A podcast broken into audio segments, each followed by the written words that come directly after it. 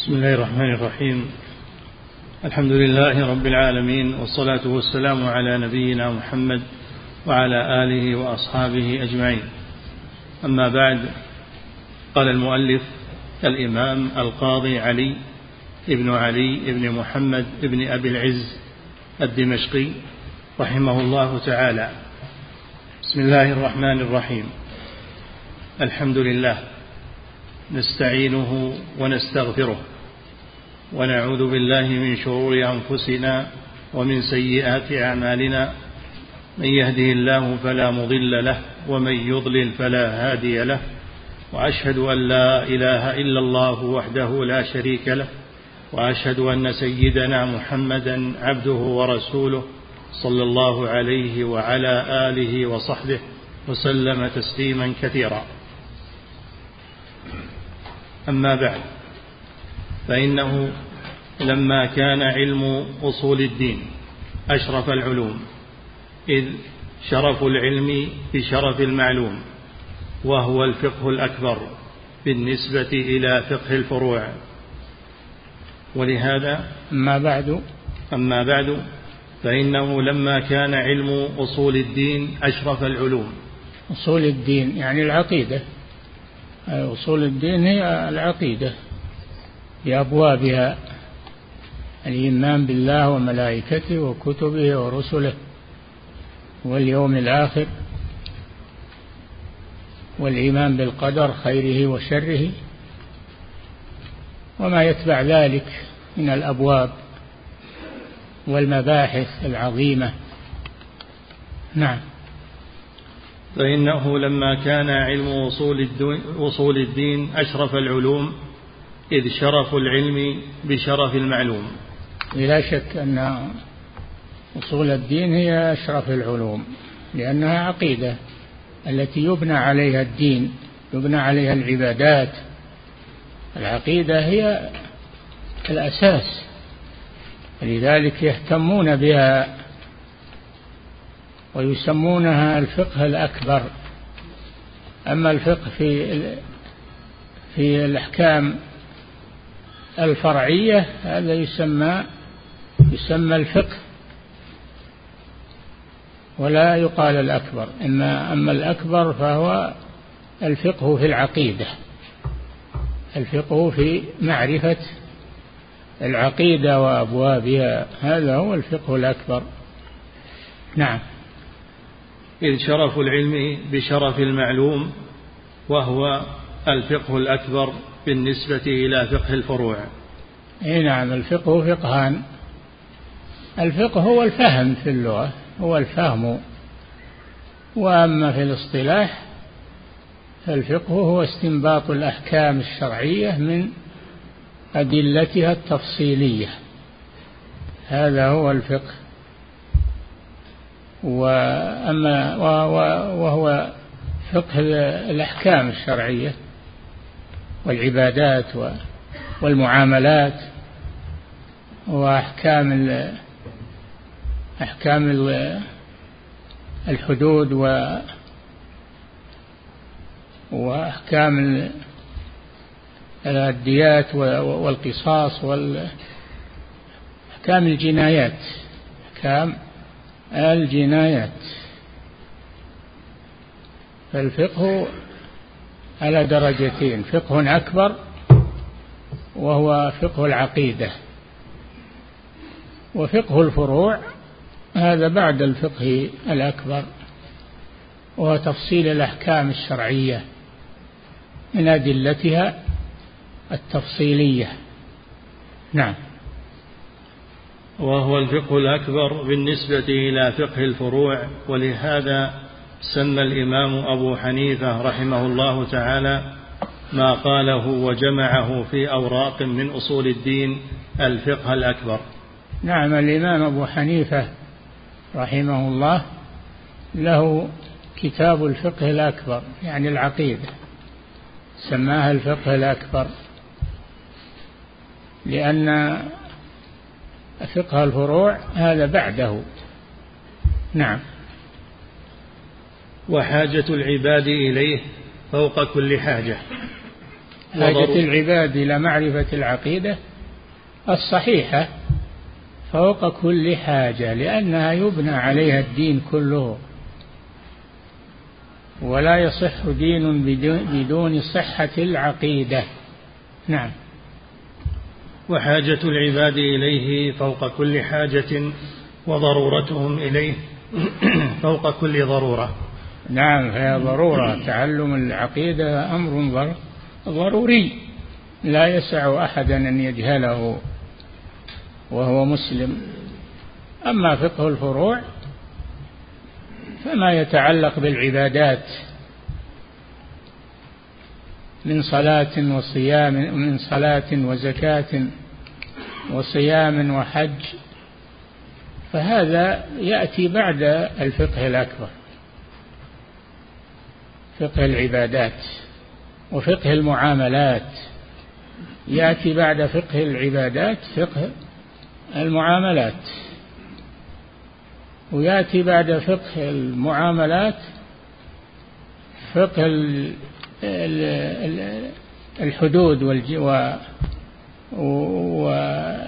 والعقوبات الشرعية فقه الحدود. كحد الزنا وحد الخمر وحد حد إلى آخره. ثم بعده كتاب الجنايات كالقتل العمد والقتل شبه العمد والقتل الخطأ وما يترتب على كل نوع من أحكام شرعية. ثم يأتي بعد فقه الجنايات بقية أبواب الفقه إلى آخره. نعم. وحاجة العباد إليه فوق كل حاجة وضرورتهم إليه فوق كل ضرورة لأنه لأنه لا حياة للقلوب ولا نعيم ولا طمأنينة إلا بأن تعرف ربها ومعبودها وفاطرها بأسمائه وصفاته وأفعاله. تعرف ربها. بماذا تعرفه بآياته ومخلوقاته. وتعرفه سبحانه بأسمائه وصفاته. أو فأول ما يجب على الإنسان معرفة ربه عز وجل. معرفة ربه بتوحيد الربوبية وتوحيد الألوهية توحيد الأسماء. والصفات. ثم بعد ذلك أبواب العقيدة من آه، الجهاد في سبيل الله ومن آه، طاعة ولي الأمر ومن هذا كله تابع. والجهاد في سبيل الله جهاد جهاد الكفار والمنافقين وجهاد المرتدين. جهاد في سبيل الله لحماية هذا الدين من العبث. نعم. لأنه لا حياة للقلوب ولا نعيم ولا طمأنينة إلا بأن تعرف ربها ومعبودها وفاطرها بأسمائه وصفاته وأفعاله. تعرفه بأسمائه وصفاته كما قال تعالى ولله الأسماء الحسنى فادعوه بها. وقال النبي صلى الله عليه وسلم إن لله تسعة وتسعين اسما من أحصاها دخل الجنة. من أحصاها يعني عرفها وعمل عرف معانيها وعمل بها دخل الجنة. من أحصاها دخل الجنة. وليس المراد بإحصائها أن يعدها وإنما المراد بإحصائها أن يعرف معانيها وأن يعبد الله بها ويتقرب إليه بها ولله الأسماء الحسنى فادعوه بها. نعم. بأسمائه وصفاته وأفعاله ويكون مع ذلك كله أحب إليها مما سواه. ويكون أحب إليها إلى النفس مما سواها. فالله جل وعلا أحب إلى العبد من كل شيء. ثم بعد محبة الله محبة رسوله صلى الله عليه وسلم ومحبة إخوانه من النبيين والمرسلين. قال صلى الله عليه وسلم لا يؤمن أحدكم حتى أكون أحب إليه من ولده ووالده والناس أجمعين. نعم. ويكون سعيها فيما يقربها إليه دون غيره من سائر خلقه. يكون سعي يكون سعي النفوس إلى ما يقربها إلى الله عز وجل وترك ما يبعده ما يبعدها عنه. دون سائر خلقه. هذا هو الأصل الذي يبنى تبنى عليه الملة. ما إنسان يجهل أبواب العقيدة ويجهل العقيدة هذا لا يكون عنده آه، لا يكون عنده إلمام بأمر دينه وعبادته حتى يتعلم العقيدة. ولو على سبيل الاختصار. ولو على سبيل الاختصار. وأما سبيل التطويل فهذا للمتخصصين من أهل العلم لكن على سبيل الاختصار هذا لا يسع أحدا من المسلمين أن يجهله. نعم. ومن المحال أن تستقل العقول بمعرفة ذلك وإدراكه على التفصيل. من المحال المستحيل يعني الممتنع. أن تعرف العقول ربها أن تعرفه المعرفة التامة الصحيحة بدون بدون الشرع والعلم الذي جاءت به الرسل. الرسل جاءت لتبين العقيدة للناس وتبينها وتوضحها لهم. هذا أول شيء. ثم بعده تبين لهم ما يحتاجون إليه في عباداتهم ومعاملاتهم وتآخي بينهم إلى آخره. نعم. ومن المحال أن تستقل العقول بمعرفة ذلك وإدراكه على التفصيل فاقتضت العقول تعرف الله على سبيل الإجمال. تعرف أن أنه لا يوجد خلق بدون خالق. ولا يوجد هذا الكون بدون رب يدبره ويصرفه. لا بد له من مدبر لا بد له من خالق. هذا مجمل هذه معرفة مجملة لكن تفصيلها ما جاءت به الرسل عليهم الصلاة والسلام. الله جل وعلا يقول أم خلقوا من غير شيء؟ ما خلقهم أحد؟ لا. أم خلقوا من غير شيء؟ أم هم الخالقون؟ هم خلقوا أنفسهم؟ لا. خلقهم غيرهم وهو الله سبحانه وتعالى. فالخلق يدل على الخالق ويدل على سبيل الإجمال على صفاته وعظمته لكن على سبيل التفصيل لا بد من الوحي المنزل على على أيدي الرسل عليهم الصلاة والسلام. فالله أرسل الرسل ليعرفوا الخلق بربهم ويدعوهم إليه ويبينوا لهم. نعم. ولم يكن لهم إلى عقولهم وفطرهم فقط. نعم.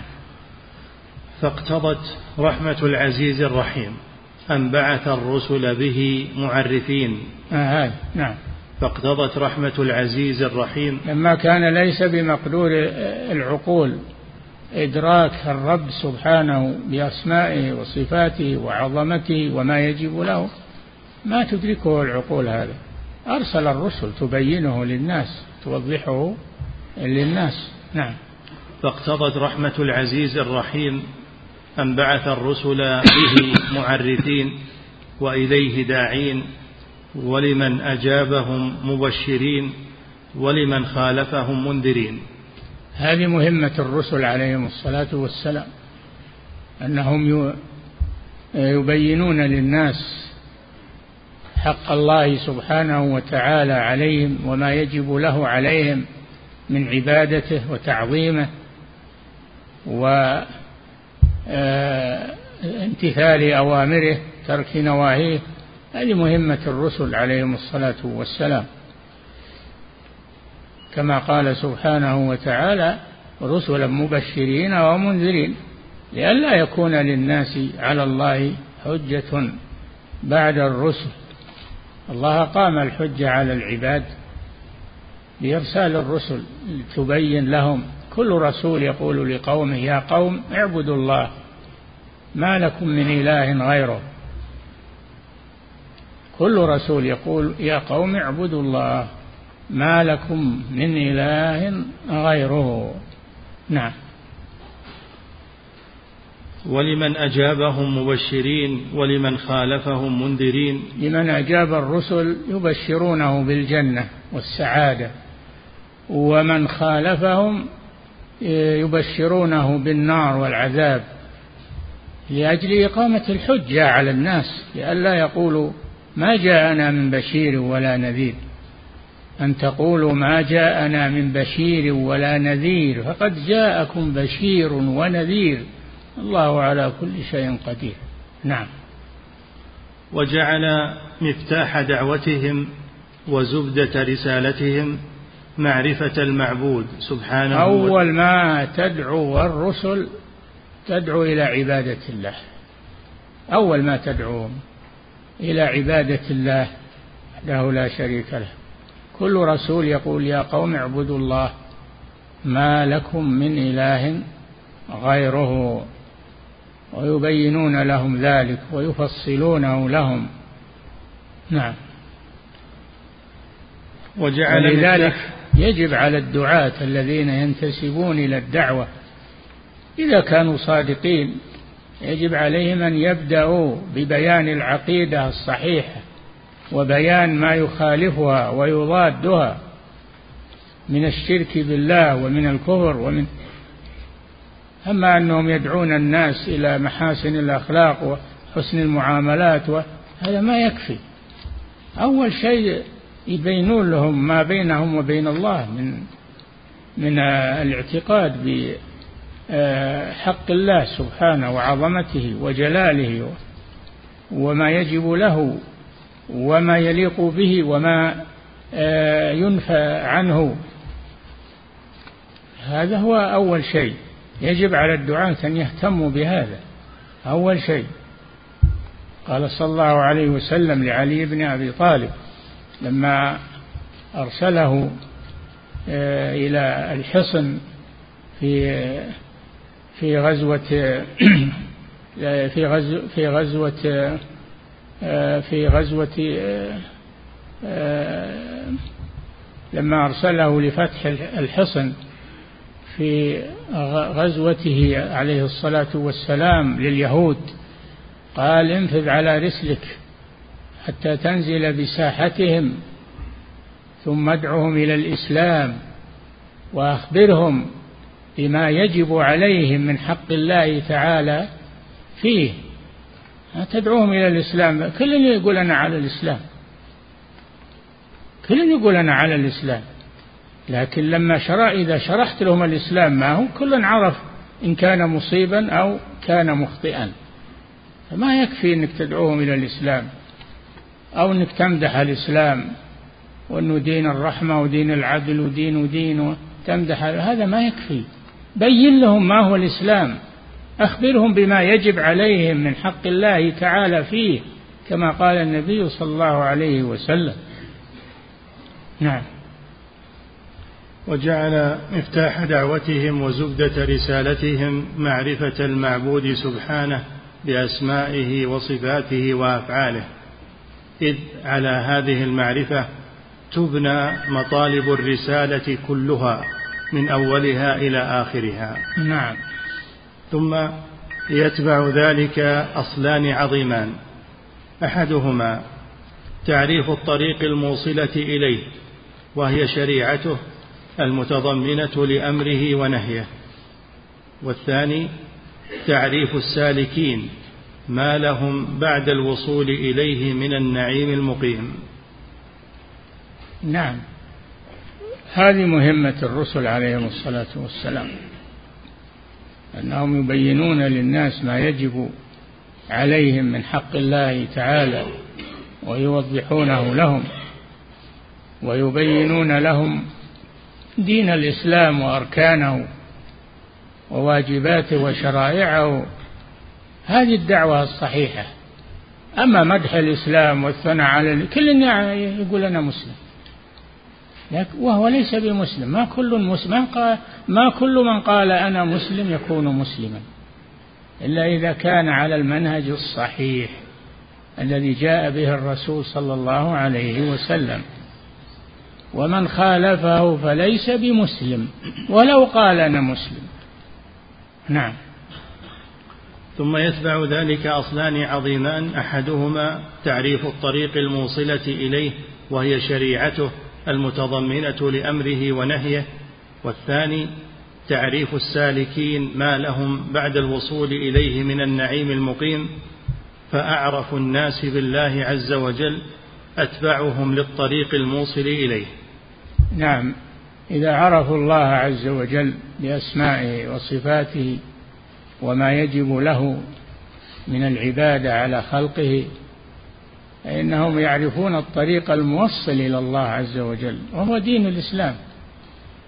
دين الإسلام هو الموصل إلى الله عز وجل وأن هذا صراطي مستقيما فاتبعوه ولا تتبعوا السبل فتفرق بكم عن سبيله. ذلكم وصاكم به لعلكم تتقون. فدين الإسلام هو الصراط المستقيم الموصل إلى الله عز وجل. وما عداه فهي طرق ضلال كما وضح ذلك النبي صلى الله عليه وسلم. لما تلا هذه الآية وأن هذا صراطي مستقيما اتبعوه خط صلى الله عليه وسلم خطا معتدلا ثم خط على جنباته خطوطا أخرى. فقال للخط المستقيم المعتدل هذا هذا سبيل الله سبحانه وتعالى. وقال عن هذه آه، الطرق التي على جوانبه وهذه طرق على كل طريق منها شيطان يدعو الناس إليه. طريق الله واحدة. هي دين الإسلام هي الرسول صلى الله عليه وسلم هي الشريعة الإسلامية. هذا هو الذي يوصل إلى الله عز وجل. وليس الدعاوى بمفيدة ولا نافعة بدون حقيقة. نعم. فأعرف, فأعرف الناس بالله عز وجل أتبعهم للطريق الموصل إليه وأعرفهم بحال السالكين عند القدوم عليه.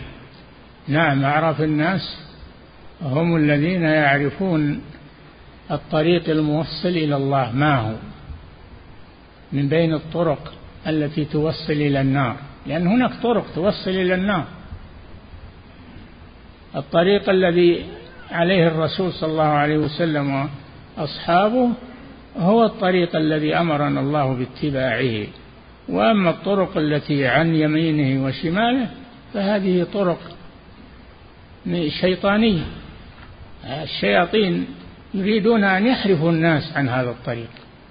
يريدون أن يحرفوا الناس عن هذا الطريق الصحيح وعن هذا الصراط المستقيم. شياطين الإنس والجن ترى ما هم شياطين الجن فقط.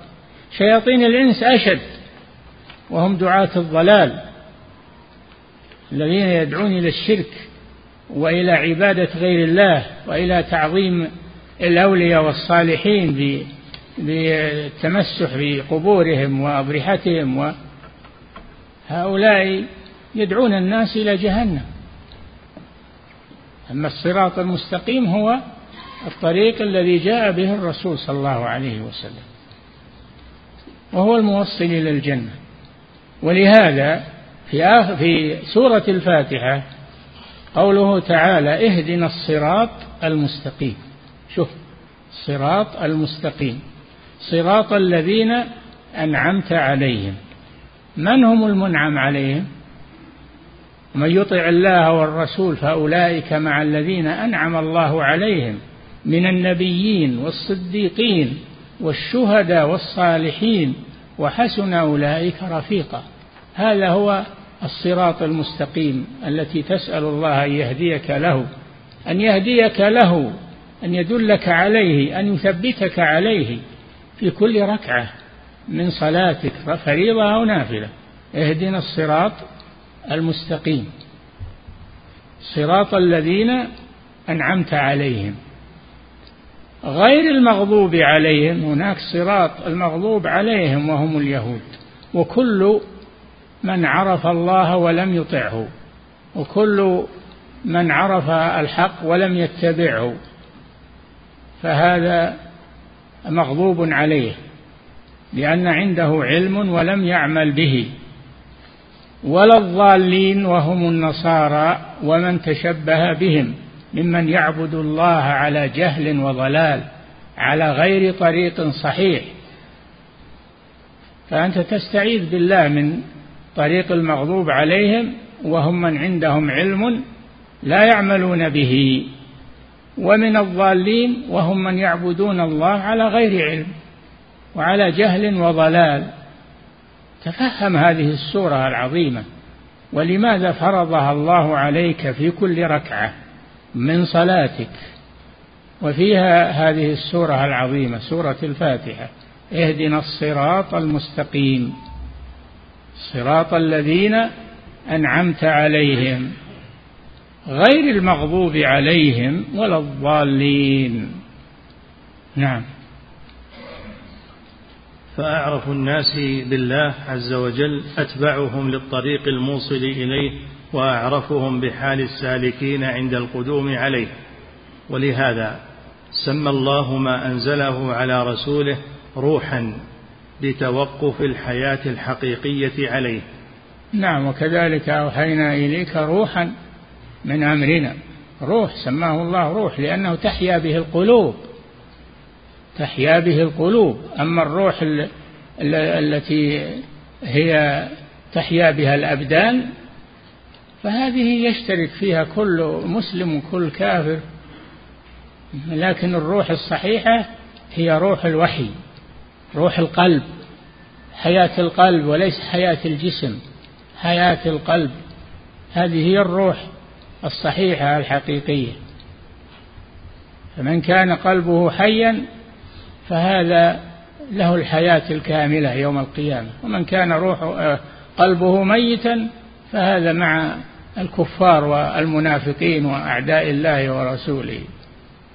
وهو من أهل النار. نعم. ولهذا سمى الله ما أنزله على رسوله روحا لتوقف الحياة الحقيقية عليه. حياة القلب. حياة القلب هي الحياة الحقيقية. أما حياة البدن فهي حياة بهيمية ليست حياة حقيقية حياة بهيمية مثل الكلاب والقرود والسباع حية لكن حياة حيوان حياة حيوان. نعم. ولهذا سمى الله ما أنزل على رسوله روحا لتوقف الحياة الحقيقية عليه ونورا لتوقف الهداية عليه. نعم. وسمى الله ما أوحاه إلى رسوله نورا.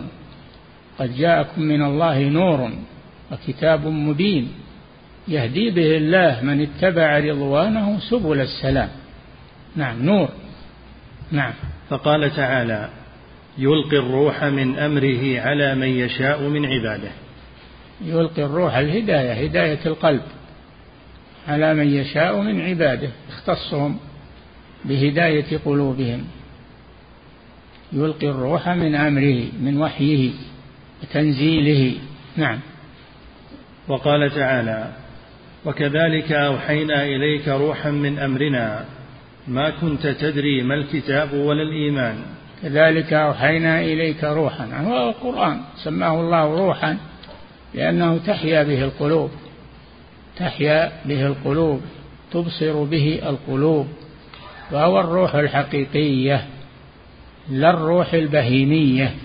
نعم روحا من أمرنا من أمرنا. نعم ما كنت من شرعنا. ما كنت تدري ما الكتاب ولا الإيمان؟ ما كان النبي صلى الله عليه وسلم قبل أن يبعثه الله يعرف آه، الكتاب. ما أنزل عليه كتاب ولا على قومه. ما أنزل الله على العرب كتاب الكتب عند اليهود والنصارى وأما ها وأما العرب فليس عندهم كتاب. قبل محمد صلى الله عليه وسلم أنزل الله عليه القرآن والسنة. نعم. ما كنت تدري ما الكتاب ولا الإيمان ولكن جعلناه نورا نهدي به من نشاء من عبادنا. جعلنا هذا القرآن نورا. روح ونور. نعم. نهدي به من نشاء. يختص الله بذلك من يصلح للهداية. نعم. وإنك لتهدي إلى صراط مستقيم. وإنك لتهدي يعني تدل وترشد الهداية على قسمين. هداية توفيق وهذه بيد الله سبحانه وتعالى. وهداية بيان وإرشاد وهذه تكون للنبي صلى الله عليه وسلم ولمن اقتدى به من العلماء والدعاة إلى الله عز وجل يهدون يعني يدعون ويبينون ويرشدون. نعم. هداية دلالة أما هداية التوفيق فهي بيد الله سبحانه وتعالى. نعم. وإنك لتهدي إلى صراط مستقيم. صراط الله الذي له ما في السماوات وما في الأرض. ألا إلى الله تصير الأمور. الرسول يملك هداية الدلالة والإرشاد ولا يملك هداية التوفيق. هذه بيد الله. إنك لا تهدي من أحببت. هذه بيد الله سبحانه وتعالى. أما هداية الدلالة والإرشاد فهذه يدعو إليها الرسول صلى الله عليه وسلم ويعرفها ويدل عليها. نعم. وإنك لتهدي إلى صراط مستقيم صراط الله الذي له ما في السماوات وما في الأرض. أضافه إلى نفسه صراط الله إضافة تشريف ولأنه الصراط الموصل إليه سبحانه وتعالى. نعم. صراط الله الذي له ما في السماوات وما في الأرض. ألا إلى الله تصير الأمور. نعم. فلا روح إلا فيما جاء به الرسول. لا روح للقلب يعني لا روح للقلب إلا بما جاء به الرسول صلى الله عليه وسلم. أما الروح البدنية هذه تحصل بالأكل والشرب والطعام وغير ذلك. ما هي روح بهيمية ما هي روح. نعم. مثل البهائم نعم. فلا روح إلا فيما جاء به الرسول ولا نور إلا في الاستضاءة به. لا نور إلا في الإسلام نور القلب نور القلوب هذا لا يكون إلا بما جاء به الرسول صلى الله عليه وسلم. ولكن جعلناه نورا نهدي به من نشاء من عبادنا. نعم. وهو الشفاء كما قال تعالى قل هو للذين آمنوا هدى وشفاء. قل هو للذين يعني القرآن للذين آمنوا هدى وشفاء. هدى يهديهم إلى الطريق الصحيح وشفاء من أمراض الشك والريب و وعمى القلوب. يشفي يشفي به الله القلوب من عماها ومن ضلالها ومن انحرافها. شفاء. نعم. هدى وشفاء.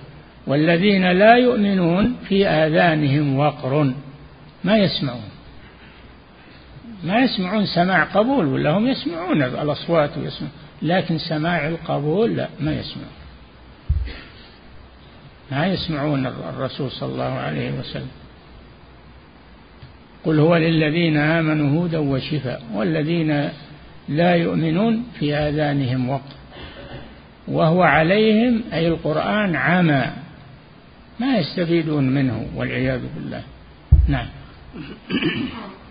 وهو الشفاء كما قال تعالى قل هو للذين آمنوا هدى وشفاء. هدى يهديهم الطريق الصحيح وشفاء من أمراض الشكوك والأوهام والشهوات والشبهات. نعم. قل هو للذين آمنوا هدى وشفاء فهو وإن كان هدى وشفاء مطلقا لكن لما كان المنتفع بذلك هم المؤمنين خصوا بالذكر. لما كان. لكن لما كان المنتفع بذلك هم المؤمنون. عندك المؤمنين ولا؟ لا عندي المؤمنين يا شيخ. يعني خبر كان خبر كان لا بس نعم. لكن لما كان المنتفع بذلك هم المؤمنين المنتفع اسم كان والمؤمنين خبر كان. نعم. فهو وإن كان هدى وشفاء مطلقا لكن لما كان المنتفع بذلك هم المؤمنين خصوا بالذكر. نعم. هو للذين آمنوا شوف للذين آمنوا. هدى وشفاء. هو هدى وشفاء لكل الناس لكن المؤمنون انتفعوا به. وأما الكفار فلم ينتفعوا به. نعم. والله تعالى أرسل رسوله بالهدى ودين الحق. أرسله بالهدى ودين الحق. هو الذي أرسل رسوله محمد صلى الله عليه وسلم بالهدى ودين الحق. الهدى هو العلم النافع ودين الحق هو العمل الصالح. فالله أرسل رسوله بالأمرين بالعلم النافع والعمل الصالح. نعم. والله تعالى أرسل رسوله بالهدى ودين الحق فلا هدى إلا فيما جاء به. لا هدى إلا فيما جاء به الرسول صلى الله عليه وسلم. أن يقولون قواعد المنطق وعلم الكلام هذا ما يهدي أحدا. الذي يهدي هو الوحي المنزل على النبي المرسل عليه الصلاة والسلام. أما قواعد المنطق وعلم الكلام هذا ما يهدي أحد بل يضل. نعم. ولا ريب أنه يجب على كل أحد أن يؤمن بما جاء به الرسول صلى الله عليه وسلم. ولا ريب. ولا ريب أنه يجب على كل أحد أن يؤمن بما جاء به الرسول صلى الله عليه وسلم. يجب على كل أحد كل عاقل يجب عليه. أما كونه عاد يقبل أو ما يقبل هذا شيء آخر لكن هو واجب عليه ولو ما قبل. نعم. ولا ريب أنه يجب على كل أحد أن يؤمن بما جاء به الرسول صلى الله عليه وسلم إيمانا عاما مجملا. على كل أحد. إيمانا عاما مجملا حتى العوام وحتى الجهال مجمل. يؤمنون إيمانا مجملا. أما أهل العلم وأهل البصيرة فيؤمنون إيمانا مفصلا. نعم. ولا ريب أن معرفة ما جاء به الرسول صلى الله عليه وسلم على التفصيل فرض على الكفاية. فرض على الكفاية على من يستطيع من العلماء وأهل البصيرة ثم هم يبينون للناس العلماء يبينون للناس ويدعون إلى الله. نعم. فإن ذلك في تبليغ ما بعث الله به رسوله. وداخل في تدبر القرآن وعقله وفهمه. نعم. وعلم الكتاب والحكمة.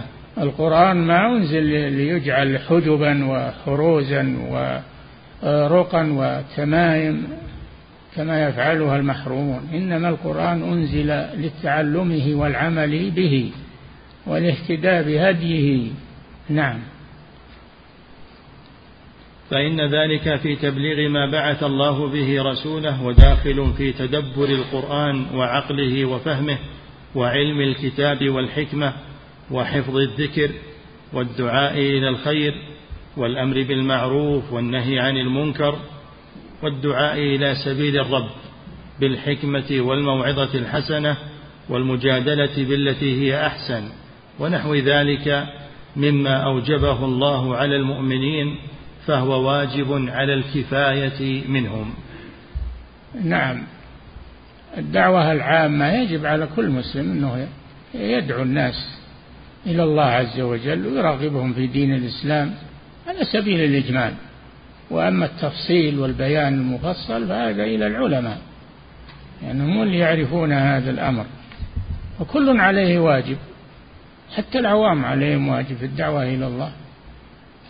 بأن يبينوا للناس ويأمروهم بالصلاة بالزكاة الأمور الواضحة يأمرون بها. نعم. وأما ما يجب على أعيانهم فهو يتنوع بتنوع قدرهم وحاجتهم ومعرفتهم وما وما أمر به أعيانهم. ولا يجب على العاجز عن ولا هذا ولا يجب على ولا يجب على العاجز عن سماع بعض العلم أو عن فهم دقيقه ما يجب على القادر على ذلك.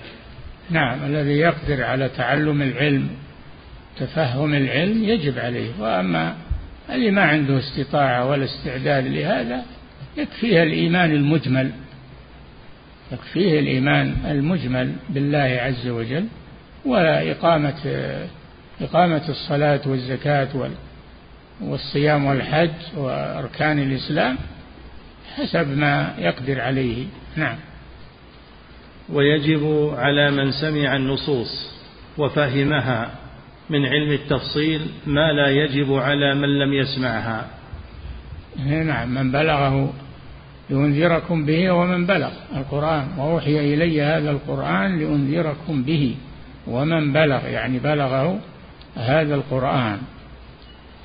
فالناس يختلفون منهم من يفهم هذا القرآن ويتعلم ومنهم من يؤمن به ويعمل به في الجملة يعمل به في الجملة وهم العوام.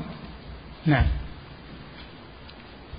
ويجب على المفتي والمحدث والحاكم ما لا يجب على من ليس كذلك. اي نعم يتفاوت الوجوب بحسب مقدرة الناس.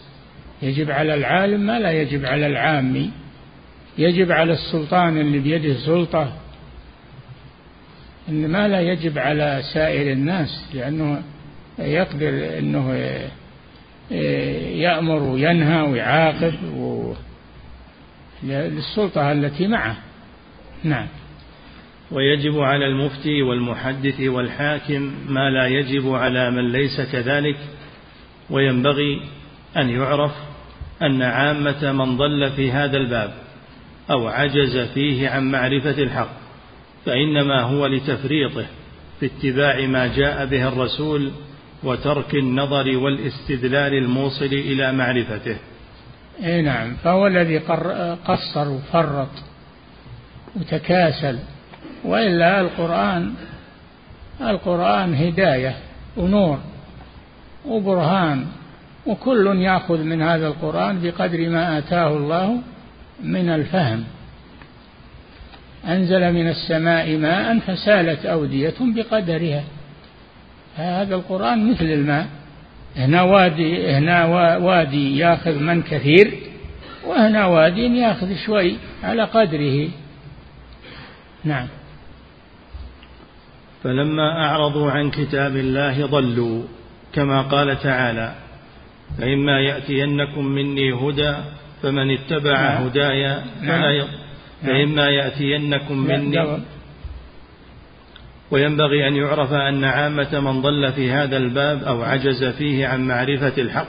يكفي نقف عند هذا. وينبغي. نعم.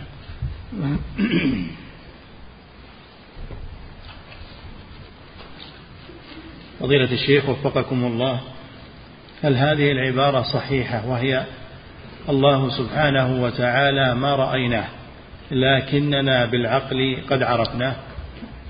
إي نعم معناه صحيح. ما أحد يرى الله سبحانه وتعالى في هذه الدنيا. ولهذا لما قال موسى عليه السلام رب أرني أنظر إليك قال لن تراني لن تراني في هذه الدنيا لأن ما يقدر أحد أن يرى الله سبحانه. لكن في الآخرة يجعل الله في المؤمنين قوة. يعطيهم قوة يستطيعون أن يروا الله عيانا بأبصارهم في الجنة. أما هذه الدنيا فلا أحد يستطيع أن يرى الله. لما تجلى قال الله قال موسى ربي أرني أنظر إليك. قال لن تراني ولكن انظر إلى الجبل. جبل فإن استقر مكانه فسوف تراني. فلما تجلى ربه للجبل جعله دكا. صار الجبل الأصم صار ترابا من عظمة الله سبحانه وتعالى. خر موسى صاعقا. موسى أصابه الغشي من هذا المشهد العظيم. أصابه الغشي خر مغشيا عليه. فلما أفاق ذهب عنه الغشي قال سبحانك تبت إليك وأنا أول المؤمنين. نعم. فضيلة الشيخ وفقكم الله هذا سائل يقول هل يقال بأن من العقيدة ما هو أصول وما هو فروع؟ لا العقيدة كلها أصول. العقيدة كلها أصول. الفروع فروع العملية الفقهية. نعم.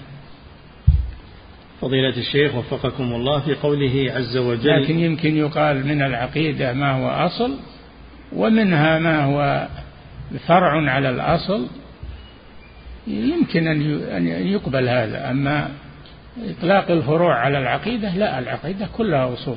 نعم. فضيلة الشيخ وفقكم الله في قول الله عز وجل وما آتيناهم من كتب يدرسونها وما أرسلنا إليهم قبلك من نذير هل المراد بذلك مشرك العرب في زمن الرسول صلى الله عليه وسلم. المراد بذلك العرب.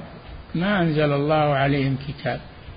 إلا لما بعث محمدا صلى الله عليه وسلم أنزل القرآن عليه. أنزل عليه القرآن بلسان عربي مبين. نعم. فضيلة الشيخ وفقكم الله هذا سائل يقول هل هناك فرق بين المرجئة وبين مرجئة الفقهاء؟ إيه نعم في فرق بين المرجئة المطلق. هؤلاء أهل ضلال. أما مرجئة الفقهاء عندهم خطأ لكن ما هم ضالون. عندهم خطأ في هذا. نعم. فضيلة الشيخ وفقكم الله. هذا سائل يقول هناك من يقسم العقيدة إلى أصول وفروع ثم يقول إن أهل السنة يتفقون في أصول العقيدة ويختلفون في فروعها. من هو هذا القائل؟ بالله بينه لنا. من هو هذا القائل اللي يتطفل على العقيدة ويقسمها من عنده؟ ما سمعنا أحد يقول هذا من العلماء المعتبرين. نعم.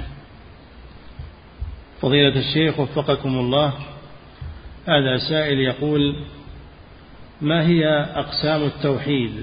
هل هي أقسام ثلاثة؟ الربوبية والألوهية والأسماء والصفات أم أن هناك أقساما أخرى؟ ليس هناك أقسام أخرى. بل هي توحيد الربوبية وتوحيد الألوهية وتوحيد الأسماء والصفات. وفي الحقيقة أن توحيد الأسماء والصفات داخل في توحيد الربوبية. ولكن لما حصل فيها ما حصل من الجهمية والمعتزلة من الضلال جعلوها قسما مستقلا لأجل أن يردوا عليهم. نعم. فضيلة الشيخ وفقكم الله هذا السائل يقول في قول الله عز وجل قل ادعوا الله أو ادعوا الرحمن أيما تدعوا فله الأسماء الحسنى. هل كل اسم هل كل اسم حسن عند الناس يجوز أن يسمى به الله عز وجل؟ لا يسمى الله إلا بما سمى به نفسه أو سماه به رسوله صلى الله عليه وسلم. ولا يوصف الله إلا بما وصف به نفسه أو وصفه به رسوله صلى الله عليه وسلم. نعم. فضيلة الشيخ وفقكم الله رسالة الفقه الأكبر المنسوبة إلى الإمام أبي حنيفة رحمة الله عليه.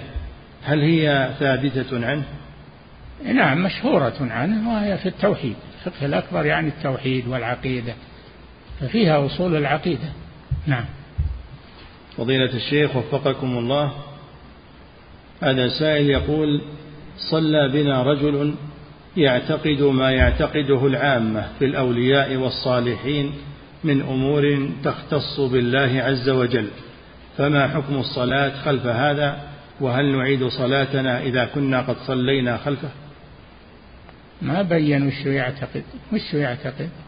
مش عقيدته. ما يعتقد في الأولياء والصالحين أنهم ينفعون ويضرون؟ هذا شرك أكبر. ولا يصلى خلفه. هو ما تصح صلاته. ولا يصلى خلفه. نعم. فضيلة الشيخ وفقكم الله هذا سائل يقول في قول الله عز وجل قل هو للذين آمنوا هدى وشفاء. هل يؤخذ من ذلك أن الكافر لا يجوز رقيته بالقرآن لأنه لن ينتفع به؟ لا يرقى بالقرآن. الصحابة رقوا اللديغ اللديغ الحي الذين استضافوهم ولم يضيفوهم وهم من من المشركين. فيرقى الكافر بالقرآن وربما يكون سببا في هدايته. نعم. فضيلة الشيخ وفقكم الله هذا سائل يقول ما حكم زيارة معابد الكفار والأصنام من باب السياحة فقط؟ نه؟ ما حكم زيارة المعابد معابد الكفار وزيارة الأصنام من باب السياحة فقط؟ ما يجوز هذا. ما يجوز زيارتها إلا للدعوة إلى الله دعوتهم إلى الله وبيان بطلانها. وأما من يزورها للتفرج فقط فلا يجوز هذا لأنه ربما يقع في نفسه شيء من الزيغ أو من محبتها أو من تصديق أصحابها فيهلك والعياذ بالله. لا يجوز له ما فيها الله ليش يروح لها؟ نعم. فضيلة الشيخ وفقكم الله هذا سائل يقول ما الواجب على طالب العلم تجاه العلم الذي تعلمه وبما يبدأ في توجيه الناس. واجبه أن ينشر علمه ولا يدخر يدخره في في في صدره يخزنه في صدره ولا يبينه للناس. العلم ما هو ما هو بلك العلم للناس كلهم. لكن الله حملك إياه لأجل أن تبلغه للناس. فلا بد أن تبين للناس ما علمك الله ولا تسكت على آه، ما عليه الناس من الخطأ وأنت عندك علم تبين لهم. هذا من كتمان العلم. ومن كتم علما ألجم بلجام من نار يوم القيامة. نعم. إذا أخذ الله ميثاق الذين أوتوا الكتاب لتبيننه للناس ولا تكتمونه. نعم. فضيلة الشيخ وفقكم الله. إن الذين يكتمون ما أنزلنا من البينات والهدى من بعد ما بيناه للناس أولئك يلعنهم الله ويلعنهم اللاعنون. إلا الذين تابوا وأصلحوا وبينوا فأولئك أتوب عليهم وأنا التواب الرحيم. نعم. فضيلة الشيخ وفقكم الله. هذا سائل يقول هل صحيح ما يقوله البعض بأن الناس إذا كانوا أهل توحيد فإنهم فإنهم يدعون إلى محاسن الأخلاق ولا يذكر لهم التوحيد لأنهم قد آمنوا به؟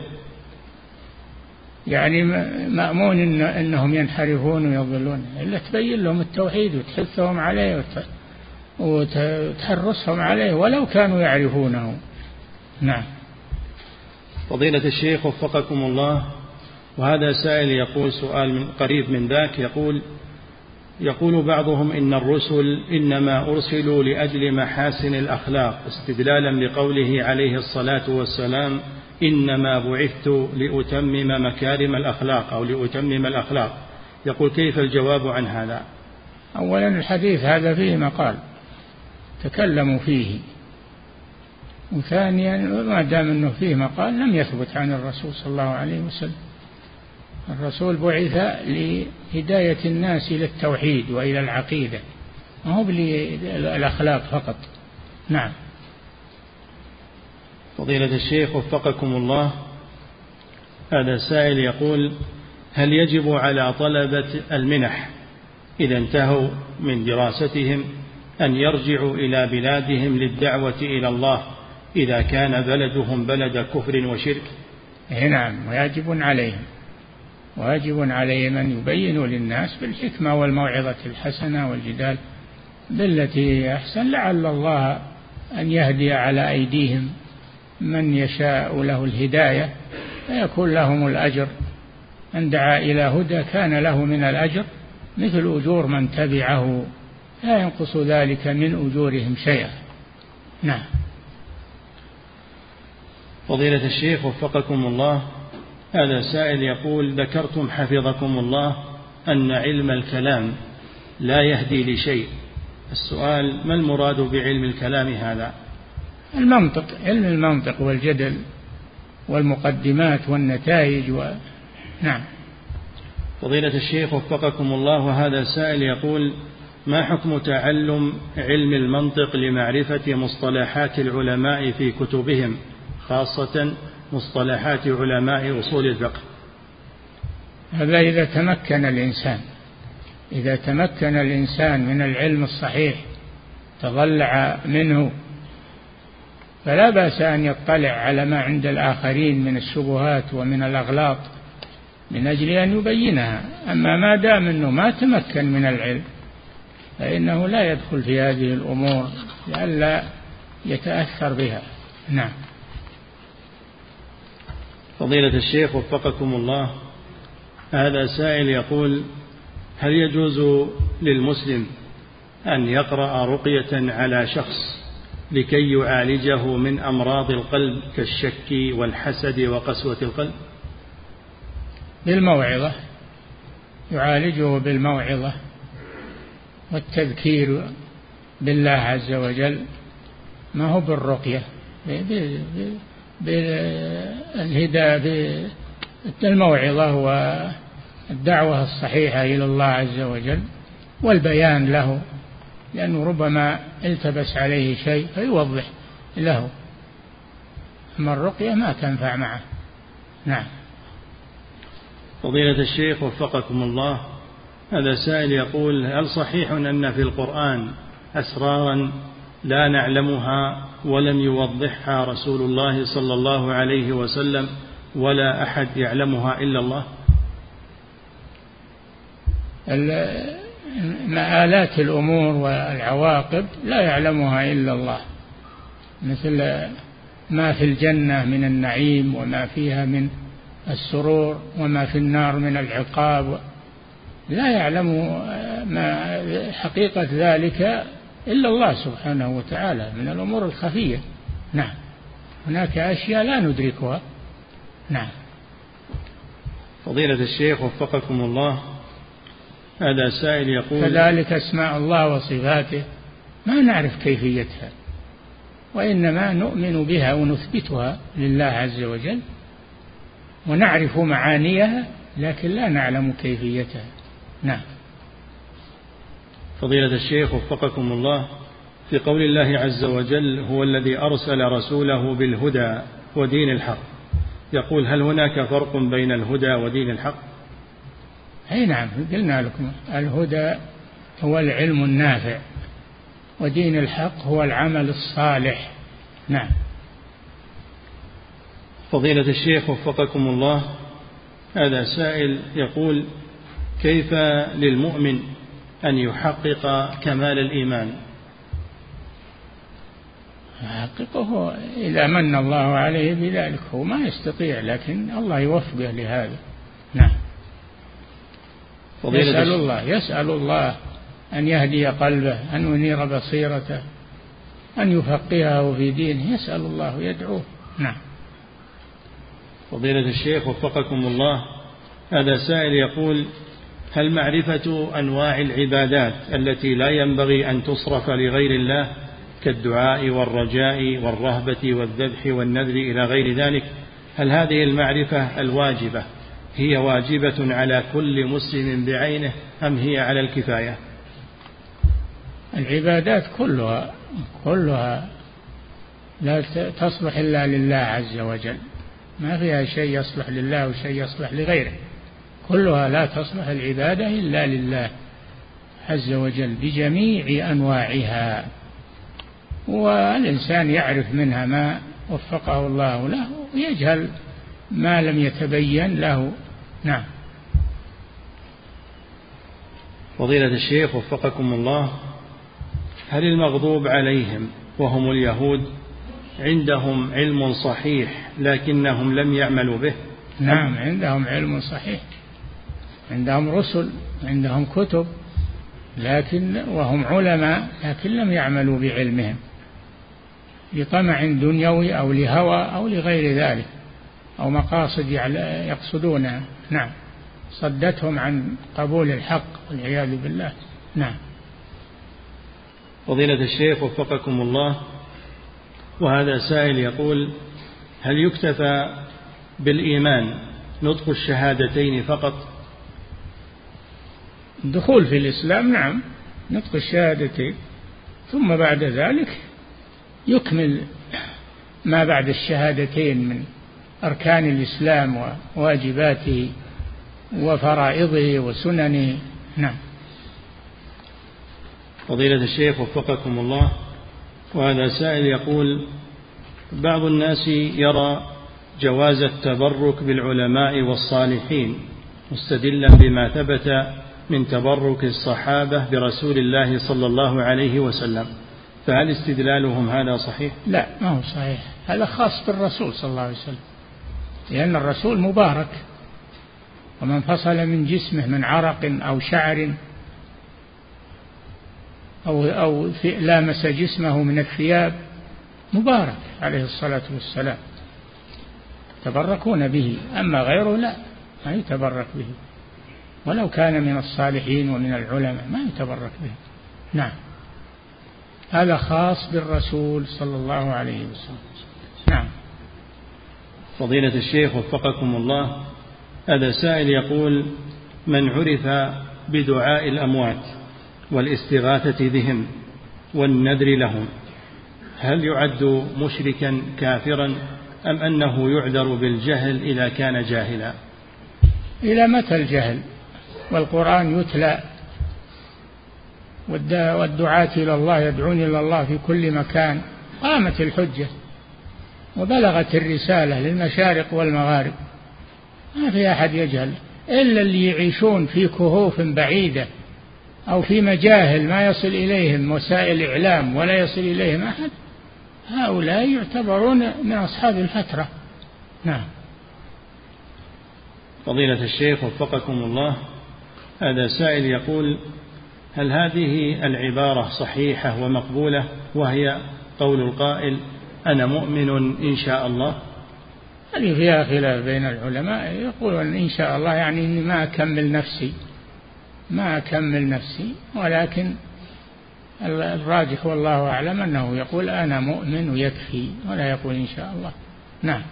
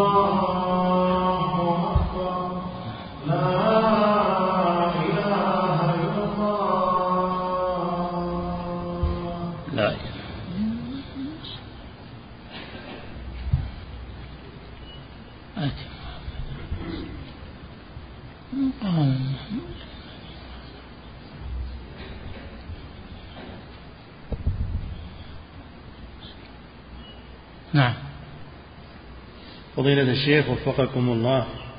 هذا سائل يقول هل السمع والطاعة لولاة الأمر في غير معصية الله عز وجل يعتبر من العقيدة ومن أصول أهل السنة والجماعة أم هو من الفروع؟ من أبواب العقيدة مذكور هذا في كتب العقيدة أن من أصول أهل السنة والجماعة السمع والطاعة بالمعروف لولاة الأمور. شوف العقيدة الواسطية.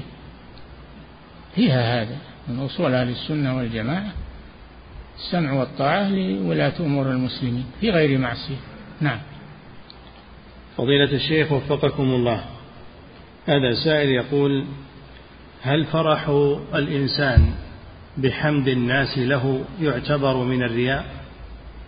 إذا كان يتطلع إلى هذا هذا مذموم. أما إذا كان ما يتطلع إلى هذا ولكن الناس أثنوا عليه يقول الرسول صلى الله عليه وسلم هذا من عاجل بشرى المؤمن. إذا أثنوا عليه وما قصد هذا ولا تطلع إليه. نعم. فضيلة الشيخ وفقكم الله. هذا السائل يقول هل أحاديث الآحاد يؤخذ بها في باب العقيدة؟ إيه نعم. كل ما صح عن الرسول صلى الله عليه وسلم كل ما صح وثبت عن الرسول صلى الله عليه وسلم فإنه يعمل به في العقيدة وغيرها من آحاد ومتواتر وعزيز ومشهور. نعم. فضيلة الشيخ وفقكم الله هذا سائل يقول الأطعمة التي صنعت لأجل أعياد بدعية هل يجوز للمسلم أن يأكل منها مجرد أكل دون حضور؟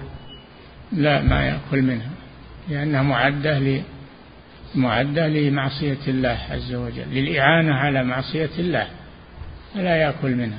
نعم. فضيلة الشيخ وفقكم الله هذه امرأة تسأل فتقول انتشر بين النساء في هذه الأيام رسالة جوال مفادها أن هناك وصفة لعلاج السحر وقد أوصى بها العلماء والرقاة المعروفون. وشفي بسببها عدد من الناس وهي عبارة عن خلطة معينة تقرأ فيها سورة ياسين وسورة البقرة ثم يتبخر بها المريض. سؤالها هل هذا الأمر مشروع؟ لا ليس مشروعا. ما ما على هذا دليل من الكتاب والسنة؟ وش الدليل على هذا من الكتاب والسنة؟ نعم. فضيلة الشيخ وفقكم الله هذا سائل يقول هل صحيح أن مسائل الاعتقاد يجوز الاجتهاد فيها استدلالا بخلاف أهل العلم في تكفير تارك الصلاة؟ لا يجوز الخلاف فيها. مسائل العقيدة لا يجوز توقيفية. العقيدة توقيفية. لا يجوز الاختلاف فيها. نعم. فضيلة الشيخ وفقكم الله. هذا سائل يقول من يصاحب أهل البدع ويذهب معهم ويجيء بحجة أنه يناصحهم فهل فعله هذا مشروع؟ إذا كان صحيح قصده المناصحة لهم هذا طيب. لعل الله يهديهم أو يهدي من يشاء منهم. أما إذا كان يمشي معهم ويأكل ويشرب ويقول أنا نصحتهم بالأول ويكفي هذا فهذا ما يجوز. نعم.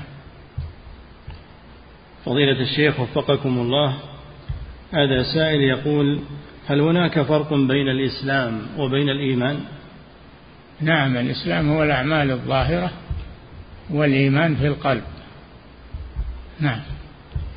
فضيلة الشيخ وفقكم الله جاء عن رسول الله صلى الله عليه وسلم أنه قال لما سأله جبريل عن الإيمان قال الإيمان بالله وملائكته وكتبه إلى آخره.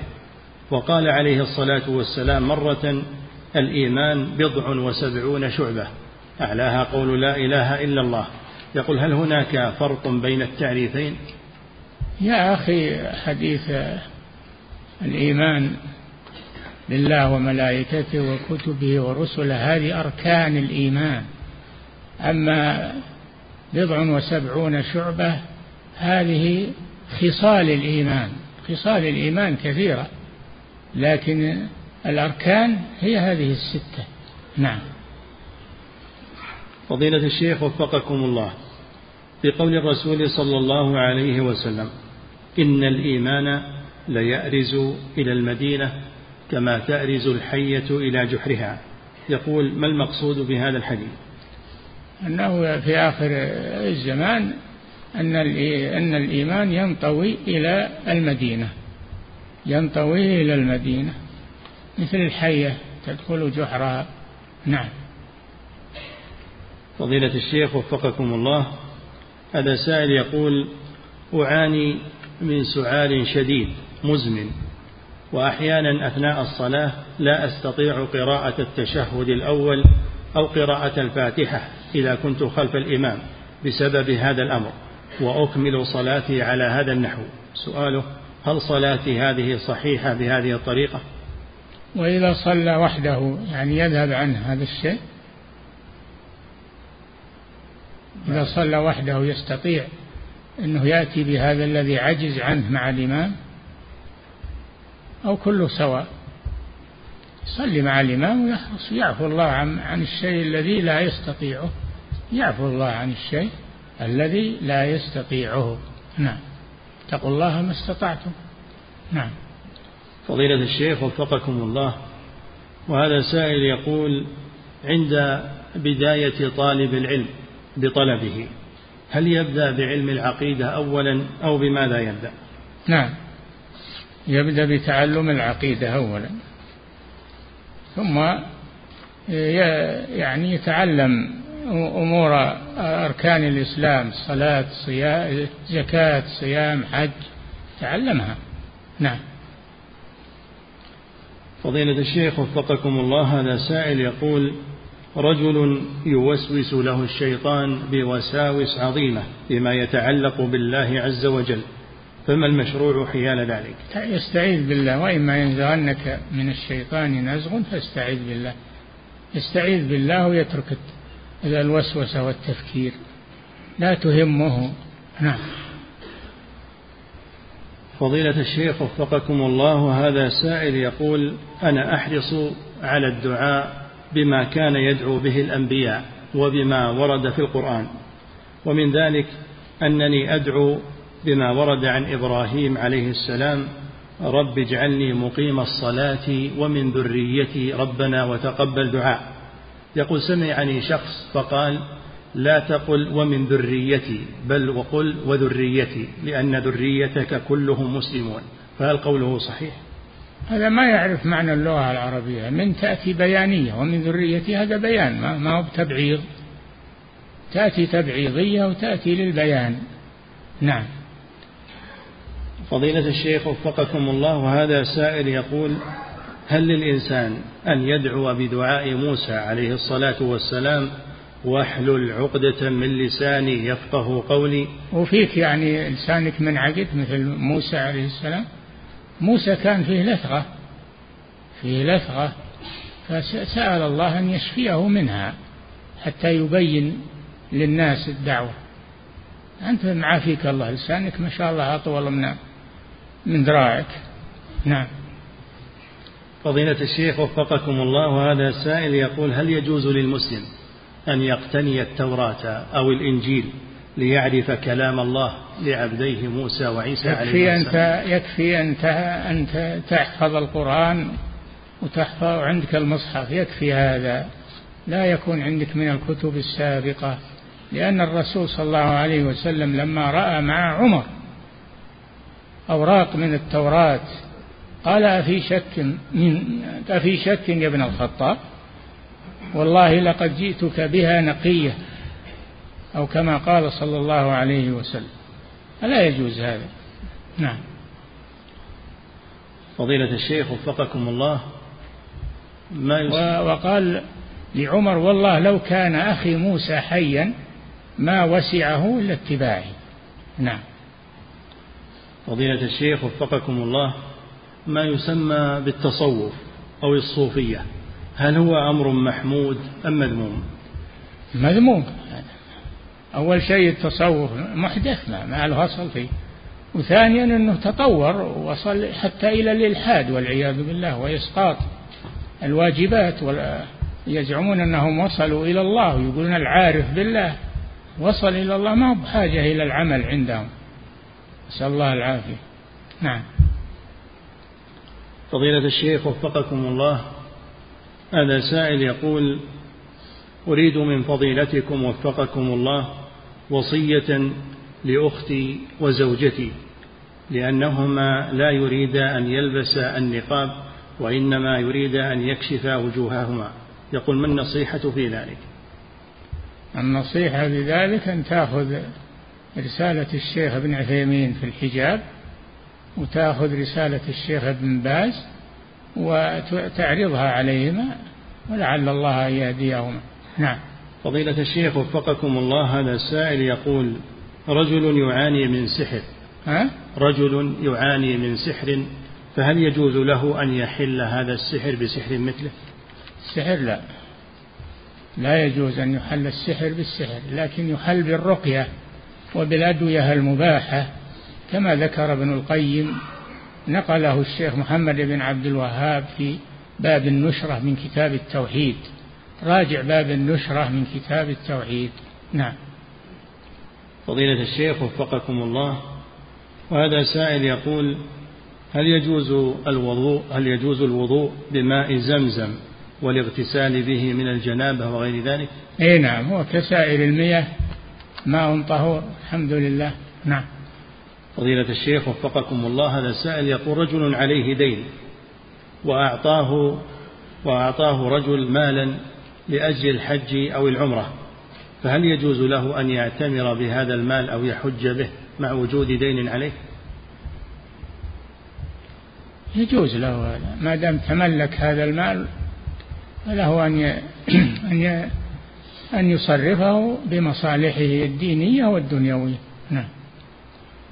فضيلة الشيخ وفقكم الله هذا السائل يقول هل يجوز بناء المساجد من الأموال الربوية والبنوك الربوية؟ لا ما يجوز هذا إلا بمال حلال. ما تعمر المساجد إلا بمال طيب. نعم. انتهى.